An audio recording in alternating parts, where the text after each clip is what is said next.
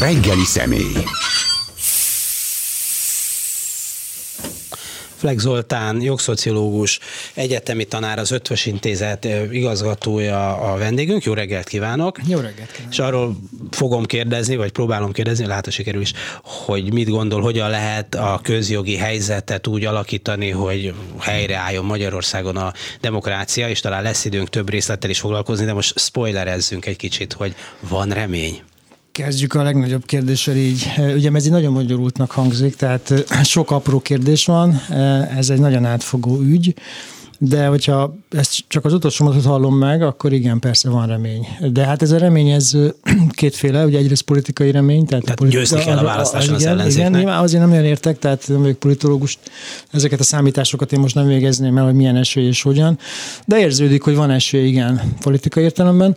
Ha a kérdésnek az a része, hogy közjogilag van esély arra, hogy kormányképes, kormányzó képes legyen egy új parlamenti erőviszony után egy megalakuló kormány, ahhoz nagyon sokat kell dolgozni, de, de az sem esélytelen. Ha esélytelen lenne, akkor, akkor nem vállaltam volna el azt a szerepet, hogy ezt segítem ezt a folyamatot sok, sok más kollégámmal együtt. Már arra gondol, hogy Márkizai Péter elmondta, hogy kik azok az emberek, akik, szakemberek, akik közreműködnek az ő programja elkészítésében. Múlt héten volt itt Király Júli, aki a gazdasággal foglalkozik, például tegnap beszéltünk Komáromi Zoltánnal, aki az egészségügyel, és ugye ön a közjogi alkotmányozási programért, témákért felelős. Igen, én távol tőlem, hogy lebecsüljön bármelyiket, és a gazdaság és az egészségügy az, az nyilvánvalóan az állampolgárok tömegeinek bőrét érinti, de ha a közjogi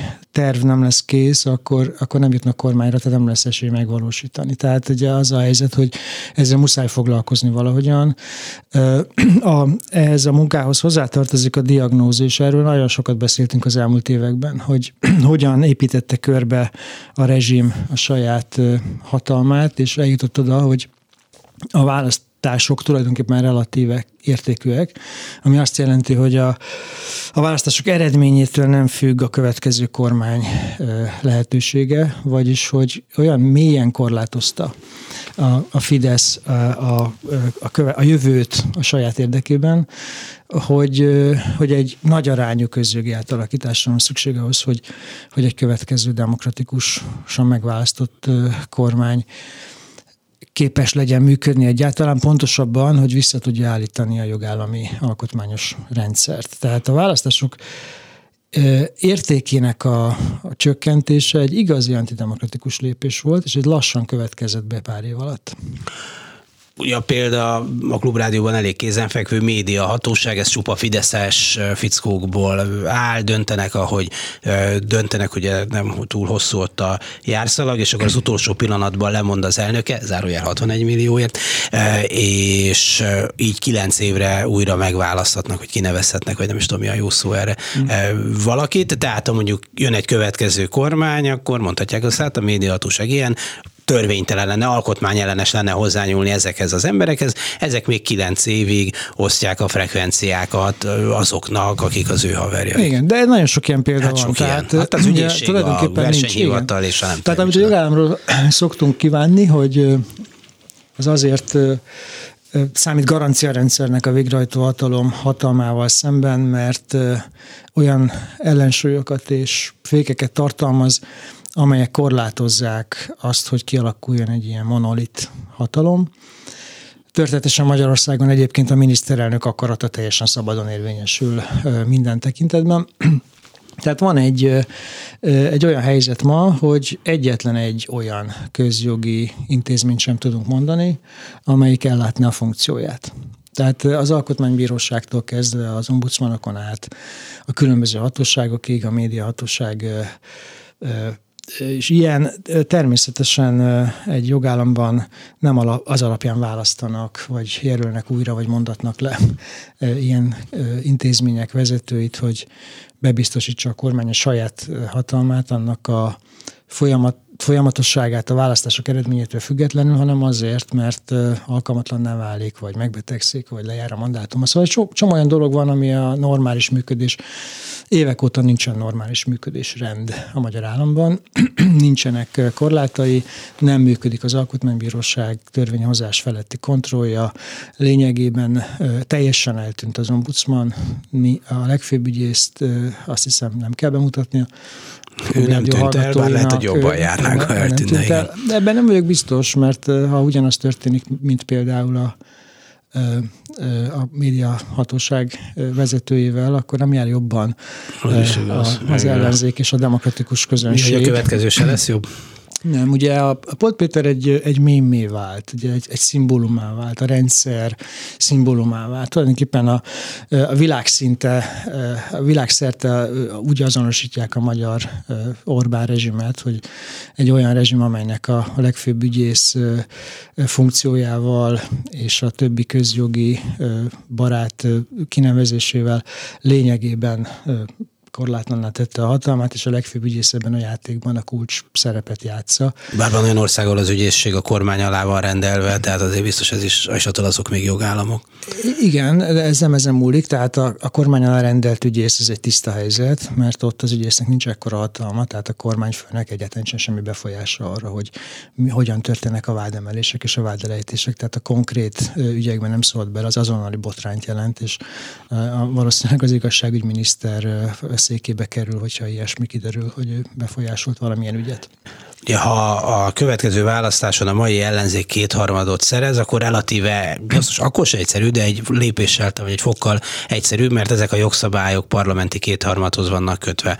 De hát előállhat az az eset, hogy ugyan többséget szerez, de nincs meg a kétharmad, és hát akkor itt a kollégái azért sokféle mondanak, vannak, akik azt mondják, hogy a jogállamot nem lehet jogállam ellenes, vagy jogállammal szembeni lépésekkel építeni, tehát hogyha a Fidesz ilyen szabályokat hozott, tetszik, nem tetszik, de ezeknek meg kell felelni, ami valószínűleg lehetetlen, és akkor ugye vannak aztán más megoldások, akik más megoldásokat Igen. mondanak, hogy valahogy ezt meg lehet kerülni. Hát azért, szóval, hogy aki a, legalább a diagnózisban egyetért, tehát amiről eddig beszéltünk, azt többé-kevésbé elfogadja, tehát hogy a magyar, magyar állam, Magyarország az nem, nem jogállam többé, és nincsenek korlátai a végrehajtó hatalomnak, és a kétharmados törvények és az alaptörvény azért készült, hogy az Orbán kormány ne veszítse el a hatalmát, akkor sem, ha a választásokat elveszíti. Ennek nagyon sok jele van, és nagyon könnyen kiszámítható a jövő, hát, hogy mi történik mondjuk az első költségvetés elfogadásakor, a költségvetési tanács vétójogával, mi történik az első törvényhozási termék elfogadásával mit fog csinálni az alkotmánybíróság, szóval. És az addig, addig oda kinevezett, mert az úgyse válsz köztársasági elnök, köztársasági akit még ez a parlament elnök, igen. választ egy még a, a kormányzat, kormányalakítási megbízás sem bizonyos, tehát hogy egy csomó olyan dolog van, ami, ami könnyen kiszámíthatóan a következő kormány nagyon-nagyon rövid ide, ideig tartó létét jelenti, és egy gyors bukást. De nem csak ezért, hanem azért is, mert egyszerűen a, a magyar közögi berendezkedés nem alkalmas arra, hogy, hogy más birtokba vegye, tehát az Orbán rezsim a saját képére formálta a közjogi intézményrendszer. Tehát ez egy olyan rendszer, amelyben a miniszterelnök hatalmának alig van korlátja, gyakorlatilag a kormány tagoknak sincsen autonómiájuk, itt egy nagyon erősen centralizált rendszerről van szó, ami persze kiterjed sok minden más közpolitikai szférára is, és ennek a, az oktatás, az egészségügy és sok minden más területen látjuk a következményeit. De most csak a közjogi berendezkedésről beszélve, hogy az alapkérdés az az, hogy ugye mit lehet tenni. Én azt gondolom, hogy, hogy ennek a részletei nagyon bonyolultak, és egyáltalán nem könnyű a probléma. De egy biztos, hogy a kiinduló pontunk az nem lehet az, hogy semmit nem lehet tenni, és hagyjuk a dolgot a Fidesz kezében, ami azt jelenteni, hogy a mi generációnk, de valószínűleg a mi gyerekeink generációja sem fog megélni jogállami Magyarországot.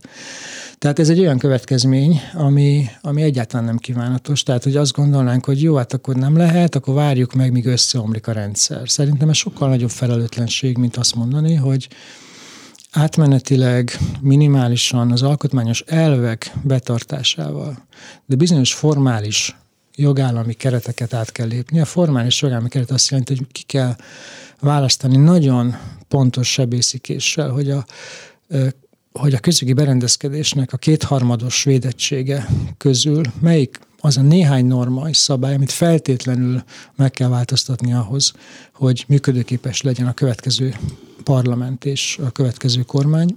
Ezeket a lehető legóvatosabban is és jó érveléssel kell megtenni, de mellette azt kell mondani, ez önmagában nem áll meg ez a közögi átalakítási politika, azt kell mondani, hogy az alaptörvény a maga hát elképesztő módon létrehozott eljárásával és, és tartalmával nem felel meg a, a magyar jogállami demokrácia működés, mert nem lehet ilyen, alkot, ilyen alaptörvény mellett működni, tehát egy alkotmányozási folyamatot el kell kezdeni.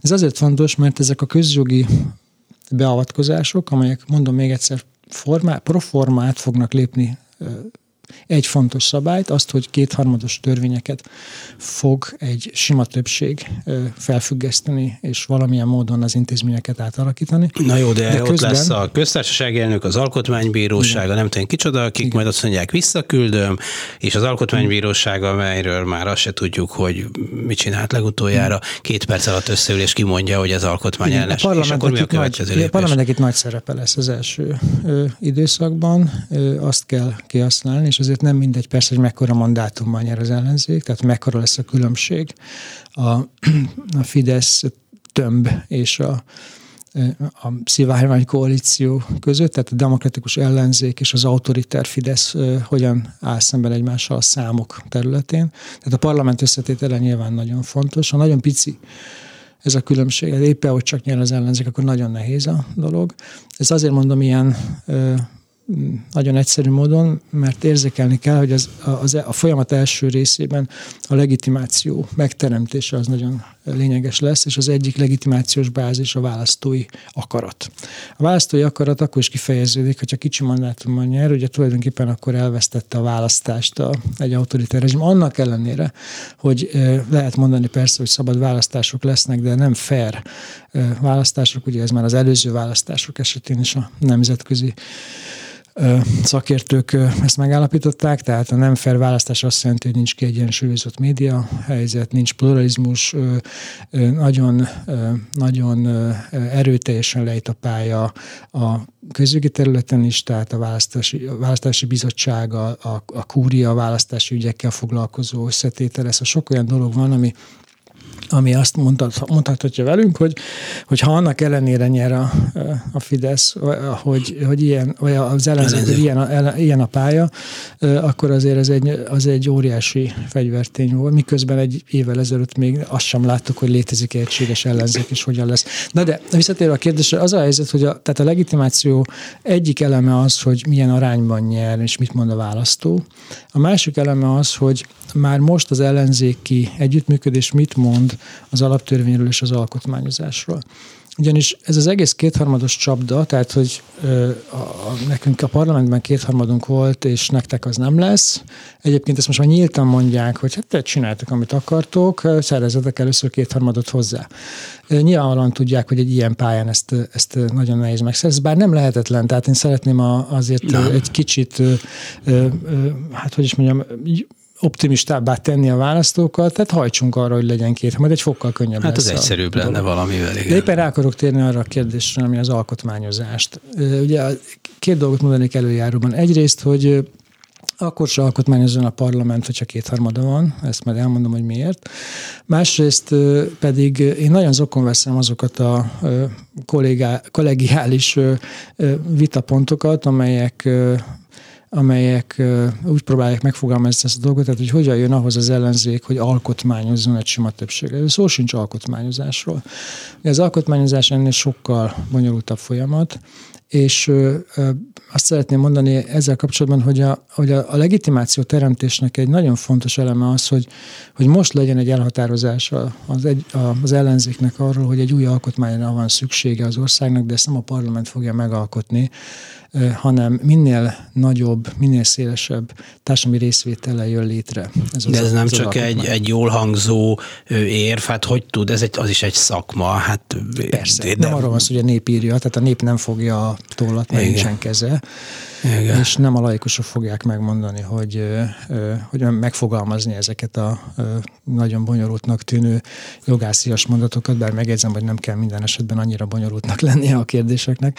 De azt hiszem, hogy például abban a dologban, hogy hogy mondjak egy egyszerű példát, hogy közvetlenül válasszák-e meg a köztársaság elnököt, vagy a parlament válassza meg. Ugye ez egy, egyfajta karaktert ad egy parlamentáris rendszernek is, azt meg lehet tárgyalni különböző alternatívákban, különböző társadalmi csoportokban és különböző vita körökben. Ennek megvannak a módszerei, és nincsen ugyan hagyománya Magyarországon. Tehát ugye azt szoktuk meg, és a rendszerváltás ebben megteremtette az alaputat, hogy hát azért, azért szakértelmiségnek a különböző körei és a politikai oldalak megegyeztek valamiről, és aztán ezt a parlament elfogadta ezt a, ezt a alaptörvényt. Vagy, Mert vagy pont a köztársasági elnök választás egy kicsit kilóg ebből, mert ugye a 89-es négy igenes népszavazás tétje igen, az igen. volt, hogy közvetlenül válasszák meg Posgai Imrét, igen, igen. mert akkor azt tűnt, onnan nézőjónak vagy a parlament választa, és akkor már Posgai ezt mondja, mert, mert ez ugyanaz a, ugyanaz a dolog, mint ahonnan a kétharmados törvény gondolata ered,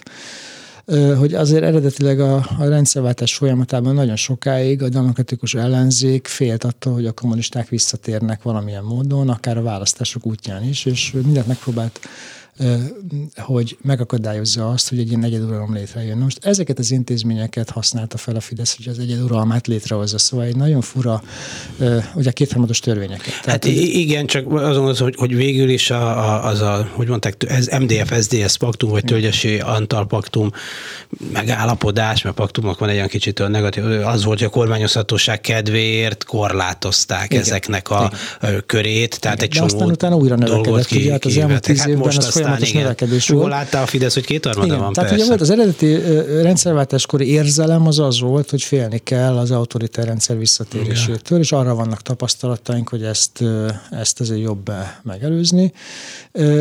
De mindez az intézmények és az elit keretein belül maradt. Néha használták a népszavazást, hogyha úgy gondolták, hogy ez a legitimáció szempontból fontos lehet, bár ez nem volt nagyon gyakori. Ugye ez ilyen közjogi kérdésekben. Tehát nem nagyon tudnánk a négy igenes népszavazás után olyan nagyon fontos dolgot mondani. A, a hát ilyet nem, de mondjuk a csatlakozás. É, jó, de hát azért az, az, az, az egy, inkább de, szimbolikus igen, inkább egy szimbolikus igen. dolog. De hát például az, a, ha már a népszavazásnál tartunk, az a dolog, hogy az alaptörvényt a Fidesz nem merte népszavazással megerősíteni, az nagyon sokat segít most abban a folyamatban, hogy, hogy arra hivatkozzunk, hogy ugye a, két, a kétharmados legit, parlamenti legitimációnál egy nagyobb dolog van, amit nagyon ódivatú kifejezéssel népszuverenitásnak nevezünk. Tehát a, a néprészvétel valamilyen formában való megjelenítése az alkotmányozással. Tehát, hogy egy népszavazással megerősített alkotmány erősebb biztos, de csak a, a kétharmadot. Na most ugye sokan mondják azt, hogy, hogy hát gondoljunk a dögoli alkotmányozásra, ugye az proforma egy csomó probléma volt ezzel, az államtanács szívta a fogát, aztán végül miután, a, miután ugye egy népszavazásról ezt megerősítették, már nem mondhatta azt, hogy hát ez illegitim, hiszen a népszavazás ezt szentesítette.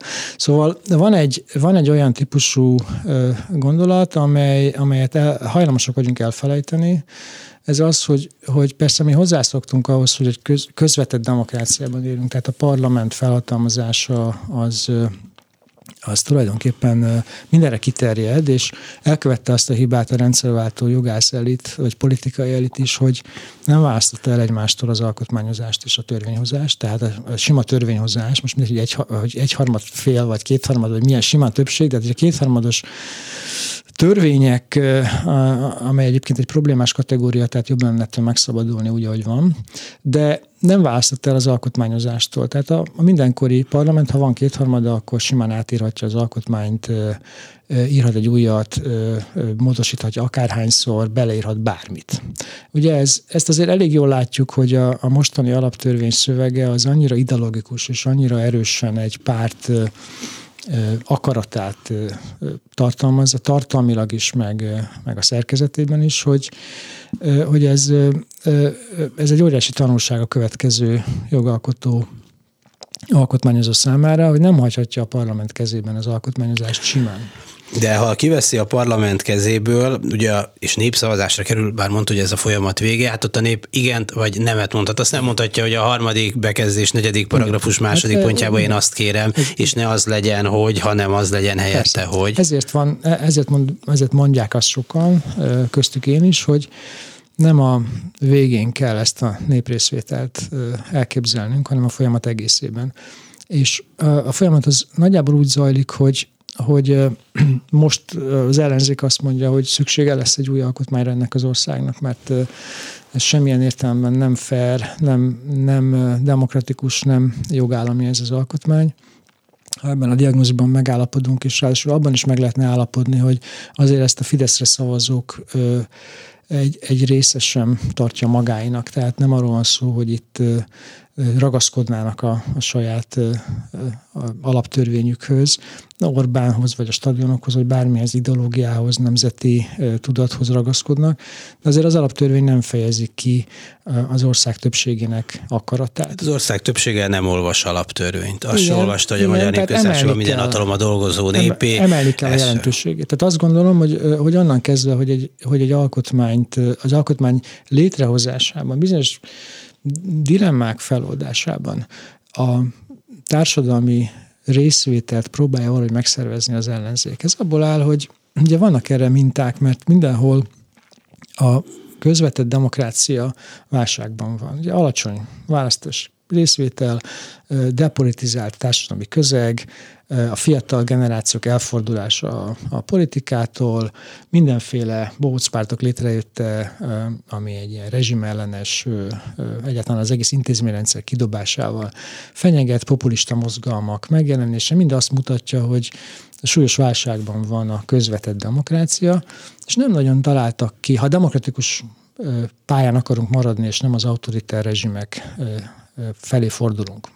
Ami egyébként a borúsabb napjaimban azt gondolom, hogy nem biztos, hogy a demokrácia, az az európai demokratikus minta, amit ismerünk, az, az győzedelmeskedik az, aut- az autoriter modellek felett. Úgy tűnik, hogy visszatértek ezek az autoriter modellek. Bár most a né- néhány azért szerencsésen megbukott. Ez, ez egy hullámzó rendszer, Igen. de még mindig tart ez a küzdelem. Na, tényleg vissza a demokrácia. Tehát, hogy a demokratikus pályán akarunk maradni, akkor a közvetett és a közvetlen demokrácia különböző formái közül tudunk választani. És úgy tűnik, hogy az a csapda, amiben Magyarország van, tehát, hogy a parlamentáris demokráciát, egy autoriter rendszer teljesen ki tudta forgatni és át tudta alakítani egy egyszemélyű centrális autoritár rezsimé. Ez azt jelenti, hogy a, az orvoslása az, az nagy valószínűséggel sokkal több közvetlen demokratikus eszközzel történhet. Bocs, de azért egy csomó olyan diktatúrát tudunk, ami nagy, nagy népi támogatással került legalábbis hatalomra. Persze. Tehát, de aztán ez elfogyott ez a népi támogatás mindenhol. Tehát, hát hogy... akkor már késő szokott lenni. Jó, igen, de hatalomra jutni Ez így van, de ez ugye ez a, a, hogy más más nem mondjunk, a, ugye ez a ezt Weimári modellnek szokták mondani, hogy amikor elveszti a támogatást, sos, sose volt igazán erős a parlamenti demokrácia támogatása, de lényegében parlamentáris eszközök felhasználásával kerül hatalomra valamilyen diktatúra, és aztán ez tragikus fordulatokat is vesz, de nagyon sok ilyen példa van, különböző. Itt, itt van egy más, de hát a magyar példa végül is választásokon olyanokon, amiken jutott hatalomra, és azóta most már nem lehet azt mondani, hogy az emberek nem látják, hogy mi történik. Mai kutatási adat, hogy még mindig majdnem a választatók fele támogatja ezt a rezsimet, pedig látjuk, hogy Igen. milyen. Na most a következő vita, ez egy nagyon, ez egy nagyon jelentős vita. A, a, a rezsim demokratikus jellegére. Tehát milyen értelemben demokratikus? Tehát, hogyha támogatja a nép, hogy egy autoritár rendszer támogatta a nép, akkor bizonyos értelemben az azt jelenti, hogy van valamilyen demokratikus legitimáció, hiszen az ország egyik fele mégiscsak erre a Tehát lehet, lehet demokratikusan szavazni. diktatúrára szavazni. Erre, erre borzalomra fog szavazni. De hát azért találták ki a modern időkben a jogállami intézményrendszert, hogy ezt a többségi elvet, ezt valahogyan korlátozza. Tehát a demokratikus rendszerek logikájának azt az alapbetegségét, hogy meg lehet vezetni a tömegeket, vagy a tömegek egyszerűen csak szeretnék az autoriter vezetőt valamilyen történelmi vagy kulturális ok miatt, vagy egyszerűen hasznuk származik belőle, vagy egyszerűen olyan a média helyzet, hogy nem is látják a valóság, egy másik valóságban élnek, vagy egyszerűen csak sokkal szimpatikusabb nekik, mert elutasítják a liberalizmus, nem kell szabadság, nem kell... De erre nincs joguk. Teljesen, teljesen, abszolút joguk van. Abszolút van. Tehát ezt nem is lehet figyelni azt, hogy, hogy én diktatúrát akarok, nyilván nem igen. ezeket a szavakat igen. fogják használni. Csak ami rosszul hát fölkérezni magunkat, de ez egy dolog. Igen. Jó, de abszolút igen. igen, igen, csak tehát akkor ugye abban az értelemben, hogy van-e, érte, hogy van-e értelme az illiberális demokrácia kifejezésnek, a jogállami szempontból nincsen értelme. Tehát, tehát a, liberális demokráciák a modellje az, ami, ami képes stabilan demokratikus módon működni, és képes a szabadságjogokat és a, a, az emberi jogokat, emberi méltóságot garantálni, de de azt nem lehet figyelmen kívül hagyni, hogy az ország, a választók egy, egy jelentős része a Fideszre fog szavazni. És en, ezt abszolút figyelembe kell venni a következő kormányzatnak is, a következő parlamentnek is. Ez két dolgot jelent. Egyrészt, hogy egy dolgot az alkotmányozással kapcsolatban biztos nem szabad elkövetni, hogy ez a másik oldalnak az alkotmánya legyen. Tehát nem lehet egy ellenalkotmányt létrehozni. Ez csak, az alkotmány az csak akkor alkotmány, hogyha az egész ország alkotmánya. De ki lehet egyezni egy egész politikáját a konfliktusok kiélezésére alapozó politikai csoport? Nem a Fidesz vezetőjével kell megegyezni, hanem a Fidesz választóival. Uh-huh. Tehát én azt gondolom, hogy egy autoritár rendszernek az a sajátossága, hogy ha elvesztette a hatalmát, akkor bomlásnak indul, mert a centrális felépítésű rendszerek azért meglehetősen törékenyek. Tehát nagyon keményeknek tudnak mutatkozni, ameddig hatalmuk van. Hatalomba kikerülve azonban ez bukásnak fog számítani, a vezető meg tud bukni. Tudom, hogy ellen példa az Orbán, mert többször felállt a vesztes helyzetből, de most úgy érzem, hogy tíz évnyi kormányzás után a, a, a rendszer fárad. A, a belső... És mi is benne. A be, persze, az ország is elfáradt, igen, de a, de a belső ö, ö, erőviszonyok egy, egy ilyen autoritár, centrális, központi irányítású rendszerben azért mindig olyanok, hogy, hogy ugye erővel, erőszakkal kell fenntartani a lojalitást. Ez látszik nagyon Hát erőszakkal, erősen. pénzzel, megtévesztéssel, meg, az biztos, meg, erőszak, tehát nem, itt nem, itt, igen. igen, de, de ugye itt ha formailag megnézzük, hát van Magyarországon alkotmánybíróság, van független ügyész, van Nemzeti Bank, most azt kezdi magát függetleníteni valóban egy kicsit néha. Mit én van, igen, beszéltünk az előbb a médiahatóságról, a verseny de, de hát mindezekben a számvevőszék, mindezek úgy vannak megkonstruálva, hogy, hogy, hogy hát a saját emberek, vagy, vagy fogott emberek, vagy mit tudom én, tehát, hogy, hogy vagy nem elég jó szakemberek. Most mit, mit, mit, mit, mit tesztek ránk megjegyzéseket? Tehát van itt minden, ami egy Persze. jogállamba szemszájnak ingere, de mi itt meg tudjuk, hogy na ez az alkotmánybíróság, hát a GIT egylete ehhez képest egy nagyon komoly jogi testület jó. volt. Szóval ez egy legalista rendszer, tehát ezekkel a patyomkin intézményekkel tartotta fenn magát nagyon sokáig. Erre még térünk vissza, csak hadd fejezem be azt a gondolatot, hogy ne, ugye, ne, ugye ne, a, ne az ellenoldal alkotmánya legyen. Ez, ezt nyilván ez azt jelenti, két dolgot jelent. Egyrészt, hogy ebben a társadalmi részvételi folyamatban ezt olyan módon kell megcsinálni, hogy a Fideszre szavazóknak ugyanolyan esélye legyen ebben részt venni, mint, mint a demokratikus erőkre szavazóknak. Tehát valóban azt kell tenni, hogy ezt a társadalmi részvételt ki kell nyitni. Vitatkozzon 8-10 ember egy asztalnál, sok ilyen asztalnál, nagyon sok ilyen asztalnál. Független attól, hogy kire szavaztak. Ezt, ezt a vita során kiderülhet, de egyébként nem érdekes. És az a tapasztalat az ezzel foglalkozó civil szervezeteknél, hogy az ilyen típusú vitákban éles ellentétek is vannak, mondjuk helyi szinten. A, a, a, úgy állnak fel három-négy-öt óra után, hogy, hogy az az élményük, hogy a másik az, ne, az nem ugrik a nyakamnak, az nem, az nem az ellenségem, hanem képesek vagyunk szóbálni.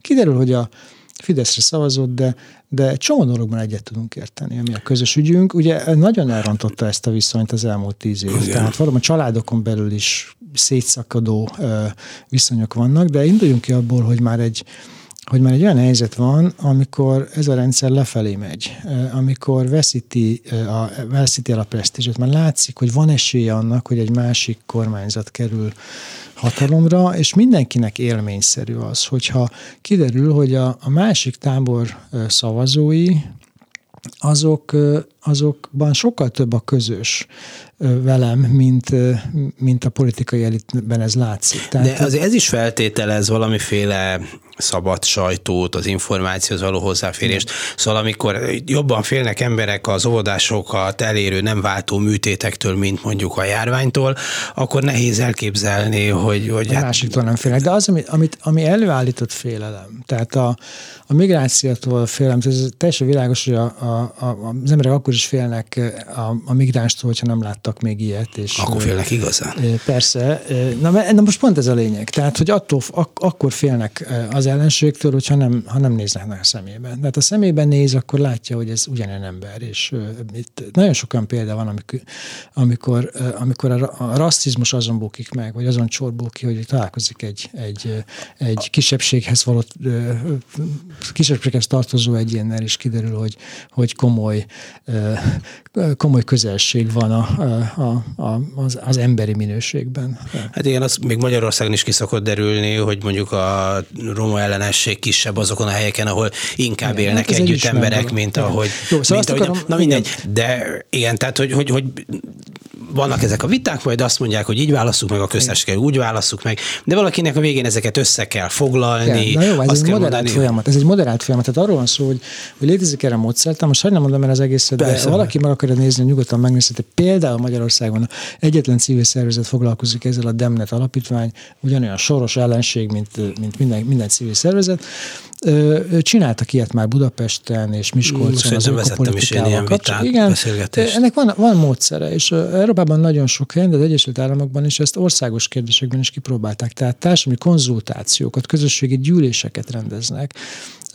Legközelebb például Németországban az ország szövetségi rendszeréről fognak, tehát a külpolitikájáról fognak társadalmi egyeztetéseket tartani, nem népszavazást, hogy A, B, C közül válasszál, hanem ezt a kérdést meg fogják vitatni milyen legyen Németország helye az Európai Unióban, milyen legyen Kína politikája. Úgy tűnik, hogy ez marha, marha bonyolult dolog, ugye? Meg könnyen megvezetheti az embereket, az, hogy mit olvas, a Spiegelt olvasol, vagy valami bulvárlapot olvas, de mégis ez nem lehetetlen, tehát vannak erre, vannak erre példák, hogy a magyar fülnek azonban nagyon szokatlan. Én, én egyszer ezt elmondtam részletesen és hosszan egy értelmiségi körben, ahol ahol két típusú válasz volt. Egyrészt, hogy az embereket ez nem érdekli, az embereket az anyagiak érdeklik, az emberek teljesen apatikusak az ilyen típusú kérdések iránt. Én, én ezt nem, hisz, nem hiszem. A másik válasz az volt, hogy ez veszélyes, mert akkor belekerül olyan típusú populizmus, ami aztán a kapitalista gazdaság, és egyébként is, hogy ezt nem tartunk ott, hogy mondjuk a, e, ilyen szociális jogokat nagyon kiterjesztő módon fogalmazunk bele az alkotmányba, pedig nyilvánvalóan a társadalmi részvétellel ilyen igények jelennek meg. Szóval én azt gondolom, hogy az alkotmányozásnak itt azért kicsit segít az, hogy nem, nem az én identitásom az nem elsősorban jogászi, hanem szociológusi.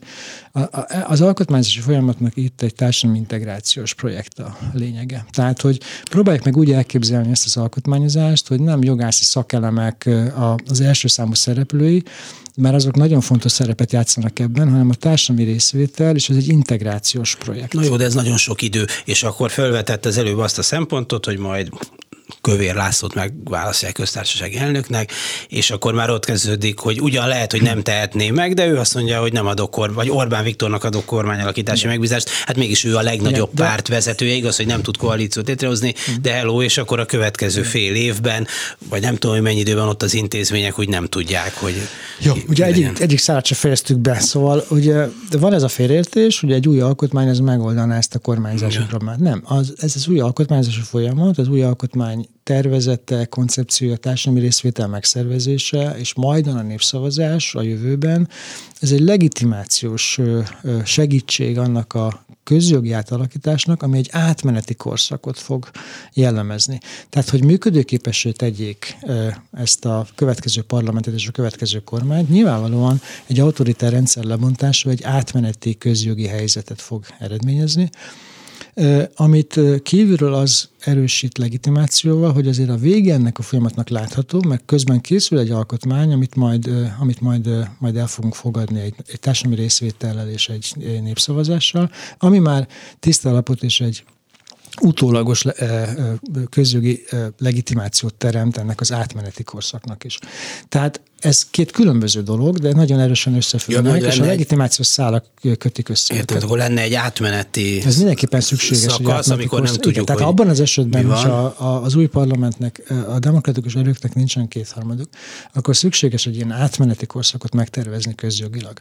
Amiről azt mondtam az előbb, hogy ebben a szakaszban bizony valóban vannak olyan form, proforma jogállam ellenes lépések, ami csak azt jelenti, hogy a kétharmados szabályok egy részét minimálisan precízen, tehát csak a szükségszerű legfontosabbakat át kell írni egy sima többséggel, közben azonban csak úgy, hogy a kormányzat a saját korlátait nem építi le. Tehát nem azért csinálja, hogy nekem, az, most akkor az én kormányomnak uh-huh. legyen könnyű, hanem, hanem visszaállítja azt az alkotmányos rendet. Tehát mondok egy nagyon egyszerű példát, de nem fogom elmondani a részleteket. Tehát, hogyha baja van az alkotmánybírósággal, mert ez akadályozza az összes szakpolitikai törvény megalkotását, és mindenbe bele fog kötni, akkor nyilván valahogy, valahogy az alkotmánybíróság helyére kell állítani valamit, de ez a valami, ez a, az akkor működő törvényhozást ugyanolyan erővel korlátozza, csak nem a Fidesz érdekében, hanem a jogállam érdekében. Tehát nem lehet úgy kihúzni fékeket a rendszerből, hiába, hiába mm. működik fals módon és teljesen kifordítva a dolog lényegéből. Tehát nem az van, hogy ültessünk be az alkot, a Fideszes alkotmánybírók mellé ugyanannyi számú ö, saját embert. Ugye ez, ez végtelenül ö, tisztességtelen tulajdonképpen, ö, mert, ö, mert persze lehet, hogy időlegesen jó megoldás, de pont azt mutatja, hogy itt lehet játszani ezzel ilyen politikai okok, okokból. Tehát szerintem sokkal tisztességesebb azt mondani, hogy ki kell találni egy másik intézményi rendszer, de azt úgy kell kitalálni, hogy az korlátozza érdemben, jogállami elvek alapján korlátozza. Egyébként a, az alaptörvény maradékai ö, ö, figyelembevételével korlátozza. Tehát az alaptörvény lesz hatályban nyilvánvalóan. Amíg nincs új. Ameddig nincs új. Tehát, hogy, Na jó, de mi lesz a, most, hogy megint egy ilyen gyakorlati példát mondjuk, mondjuk a kúria elnökével, aki ugye oda került, ahogy oda került Varganzsi András, jól emlékszem a nevére, aki, hogyha arról kell szavazni, hogy elvegyék a klubrádió frekvenciáját, akkor Igen. akkor is ott van, hogyha arról kell szavazni, hogy a, egy teljesen bornírt népszavazási kérdés pont a nem váltó műtétről át kell engedni, akkor akkor is tudja a dolgát, és szavazóbírónak beül. Két, két dolgot mondanám, a, pont a Vargas esetében szerintem elég könnyen megtalálni azokat a jogi okokat, ami az ő kinevezését problémássá problémás tették, tehát hogy ez, ez nem olyan nagyon nehéz, de, de azért hadd mondjam azt, hogy, hogy van az a természete ennek a dolognak, amiben most vagyunk, hogy ennek az átmeneti közjogi állapotnak a részleteit a, a szakértők nem fogják elmondani. Egy eléggé könnyen belátható ok miatt. Majd Pegazus megmondja azt nekik. De jó, az, az egyik dolog, de, de ne, ne tegyük már könnyűvé a helyzetet. Ez igaz, hogy Szóval minden, mindezeket a dolgokat így vagy úgy végrehajtani, ehhez politikai erő kell. Igen. Tehát, hogyha van politikai erő, elszánás, nem tudom micsoda, akkor meg lehet ezeket oldani és akkor majd a jogászok, hogy mondta Orbán Viktor, majd a jogászok megmagyarázzák, azt, azt jó napot ne értsen félre, nem akarom én ezt. Most ebben, ebben a dologban a jogászok Igen. működését a jogállami elvek vezérlik, tehát ez egy fontos ugye, ugye ez is egy fontos kérdés, hogy mi, mi most itt megegyezhetünk abban, hogy ami Magyarországon az elmúlt 10-12 évben történt, az, az nem egy jogállam volt, vagy, vagy egyre kevesebb jogállamot tartalmazott. De nyilván egy fideszes jogász, vagy azok, akiknek ez a dolga, hogy ott irányítsanak, azok azt mondják, hogy ez aztán olyan jogállam, hogy hello, te nem vagy Persze. jogállami, és ez mondjuk nem olyan, mint a Newton második törvénye, vagy a nem tudom én, az se olyan egyébként tudom, de tehát, hogy, hogy jó, ő azt mondja, én ezt mondom, aztán annak lesz igaza, aki az erősebb. De nem, jó, persze, de ebben a, abban az értelemben igaza van, hogy a, ez a jogállam és alkotmányozás, alkotmányosság, ez, ez nem tiszta technika természetesen, hanem hanem, hanem viták, elvek, értékek kérdése. De éppen ez a éppen ez van segítségünkre nekünk is. Tehát ugye a jogállam az európai hagyományok szerint, bár erre majd térünk vissza, hogy a formalizmus mennyire erős ebben a, ebben a dologban, de azért az európai hagyományok szerint értékrendszer is. Olyan értékek, amelyek között az emberi jogok, az egyéni jogosultságok, alapjogok, emberi méltóság, sok minden van. Tehát, hogy ezt most végigvennénk, hogy tehát nem csak a kormány korlátozza, végrehajtatom korlátozásának technikája, hanem, hanem komoly értékek. Tehát amikor egy, egy rezsim az alaptörvénybe írja a hajléktalanok büntetését, vagy egyéb olyan dolgot, amely az, a, a, mondjuk ez a, a család fogalmával kapcsolatos vita is arra utalt, hogy az, a választók egy, egy, egy része számára ez, ez komoly hétköznapi nehézséget jelent, és az emberi méltóságukban lehetnek megsértve, identitásukat érintő dolog. Tehát nem fejeztem be az előbb, de ennek az új alkotmánynak majd minimalistának kell lenni ebben az értelemben. Tehát semmi ilyen ideológiai tételt nem tartalmazhat, mert láthatólag az ország ketté osztott ebben a tekintetben. Tegyük félre, hogy milyen okok következtek. De, szándékosan, tehát ebben nagy munka volt, hogy ketté legyen osztott. Ez nem, vélet, nem így alakult, hanem ez volt ez a, a dolog, de, de, de mesterségesen kihasználta. Igen, Igen de, az, de ez most mindegy a számunkra. Az a lényeg, hogy de hát ebből az következik, hogy egy olyan alkotmányt lehet elfogadni, amely mindenkinek az alkotmánya, tehát egy minimális közjogi korlátrendszer tartalmaz, és a legkevesebb ideológiai elemet, értékeket azonban fog tartalmazni nyilvánvalóan, hiszen, a, hiszen nincsen alkotmánya az alapjogok nélkül, nincsen alkotmánya az emberi méltóság garanciái nélkül, és nincsen alkotmány ilyen, anélkül, hogy a, a szabadságjogok széles katalógusát tartalmazná, és még azt is mondanám, hogy a, az emberi méltóságból következik majd egy csomó szociális jellegű jogosultság is, de, de minél kevesebb ideológiai elemet kell tartalmazni. Biztos, hogy nem lehet egy ilyen alkotmányban a, a, a múltról úgy megemlékezni, hogy csak az egyik oldal mondatai vannak benne, vagy olyan családfogalmat beleírni, amely egyébként a családjogi törvénybe való, és annak is semlegesnek kéne lennie.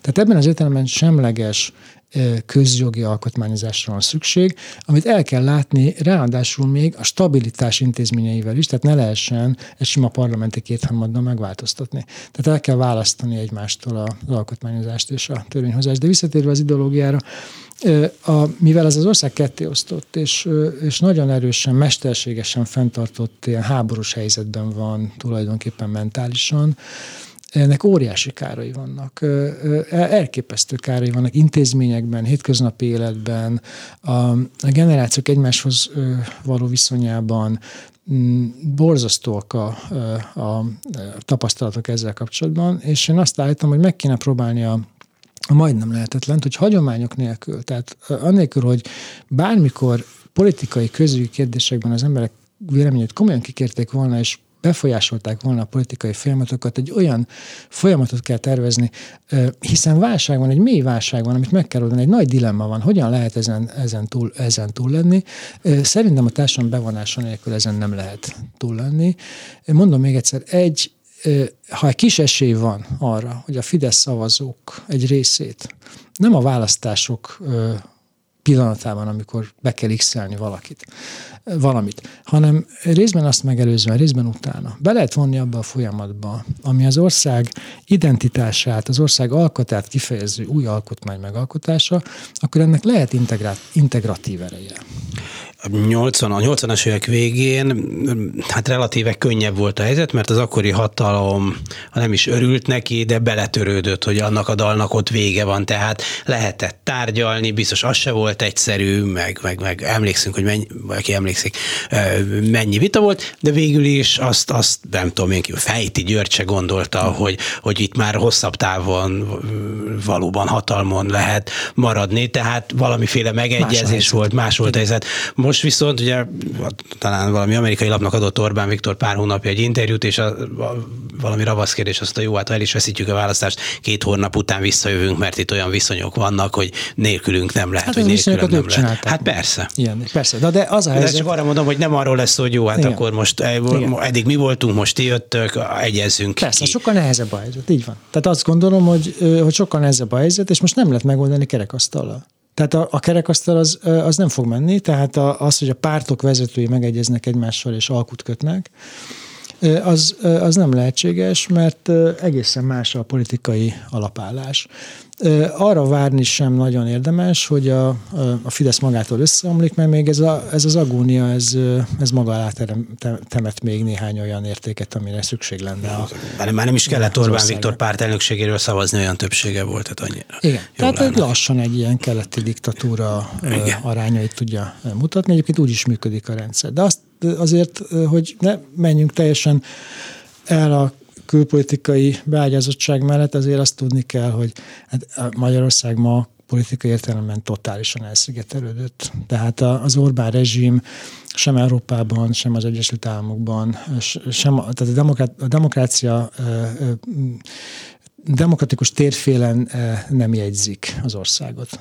Tehát eh, ugye nem véletlen ez a játék a mm, türkmény tanácssal, tehát ez, ez tényleg bohozat. Tehát azt, azt kell mondanom, hogy ez, ez a, az ország identitása szempontjából szerintem még a Fideszre szavazók eh, szempontjából is szégyen. Tehát azért az ország Európa pártisága nagyon erőteljes. Lehet, hogy ez fogyasztó identitáshoz kapcsolódik, és nem a demokratikus értékekhez. Ahhoz is, biztos, de, azért de nem csak de azért azért, ezt hadd mondjam azt, hogy a Fideszes családok gyerekeinek egy része azért Londonban, Berlinben, Bécsben és máshol tanul és dolgozik. Tehát szóval onnan nyugati termékeket fogyasztanak, és nem keletről származó árukat, és, és sok minden van azért, ami oda köti ezt az országot a, ehhez a nyugati parthoz. És azért most nagyon úgy tűnik, hogy a külpolitikai feltételrendszere az Orbán rezsimnek erősen romlott az elmúlt egy-két évben. Mondjuk az Európai Uniót, hát néhány enyebb, gyenge enyebbenyin kívül nem nagyon izgatta, hogy mi történt Magyarországon a jogállamisággal. Hm. Persze mondták azt, hogy ezt nem kéne, meg azt nem kéne. Igen, csak de egy másik helyzet lesz egy elvesztett választások után. Tehát azért ugye az van, hogy, hogy sikeres-e vajon a, a, jogász, a fideszes jogászoknak és Orbán Viktornak majd az a kommunikációs stratégiája, hogy kedves Velencei Bizottság, kedves Európai Bizottság, kedves Európai Parlament, most számolják fel a jogállamot, mert nézzék meg, hogy most a mi kétharmados törvényeinket egy sima törvényel itten kigyomlálják. Hozzányúlnak az a szent alaptörvényhez, amit a, a magyar társadalom nagy többséggel magáinak val. Ez minden igaz természetesen.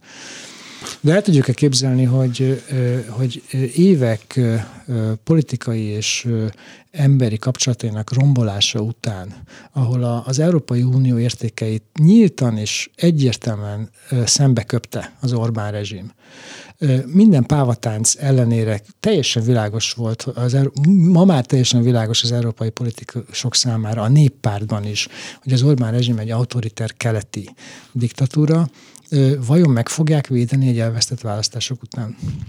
Hát én remélem, hogy nem, de fogalmam sincs, meg azt se tudom, hogy mennyit számít. Nyilván számít, mert minden számít, de hát valahogy ennek a dolognak Magyarországon kell elrendeződnie. Hát ez így is van, csak úgy, mi most arról beszélünk, hogy a választó döntőt nem, nem kétharmados többséggel, de mégiscsak megbuktatta az Orbán rezsimet. Van egy olyan szakmai programja az új kormánynak, és az új parlament ezt elfogadja, amelyek egy átmeneti helyzetben az alkotmányos elvek eh, és a jogállam értékei alapján tervezi az átmenetet, és közben azt mondja, hogy elkezdtünk egy alkotmányozási folyamatot, amely majd véglegesen tisztába teszi ezt a dolgot, de addig is demokratikus módon kormányozni kell egy korlátozott végrehajtó hatalom mellett, de nem a Fidesz játékszabályai szerint, mert az a csődbe visz. Szóval akkor legyünk optimisták. Hát mindenképpen legyünk optimisták, már nem vagyunk optimisták, és nem sugaljuk a választóknak azt, hogy ez lehetséges, és az ország jobb lesz pár év múlva, mint amilyen, amilyen eddig volt, és ki tudunk kerülni ebből a szégyen teljes helyzetből. Nem mellesleg ugye a szegénységről és más dolgokról még nem beszéltünk, de egy méltatlan helyzet van ebben az országban az emberi élet kereteit tekintve. Ha nem bízunk ebben, és nem sugaljuk, akkor nem, akkor nem lesz kilábalás. Tehát mégiscsak a, a, a közösségen múlik, amit most újra kell rendezni. Köszönöm szépen Fleck Zoltán professzor, jogszociológusnak, az Ötvös Károly Közpolitikai Intézet igazgatójának. Önöknek pedig köszönöm szépen az egész reggeli figyelmet. A mai műsor elkészítésében munkatársaim voltak itt a stúdióban Bencsik Gyula, Prihatály Bence, Kelecsényi Krisztina és a mindig kitűnő szerkesztő Bálint Judit. Dési Jánost hallották. A viszont hallásra!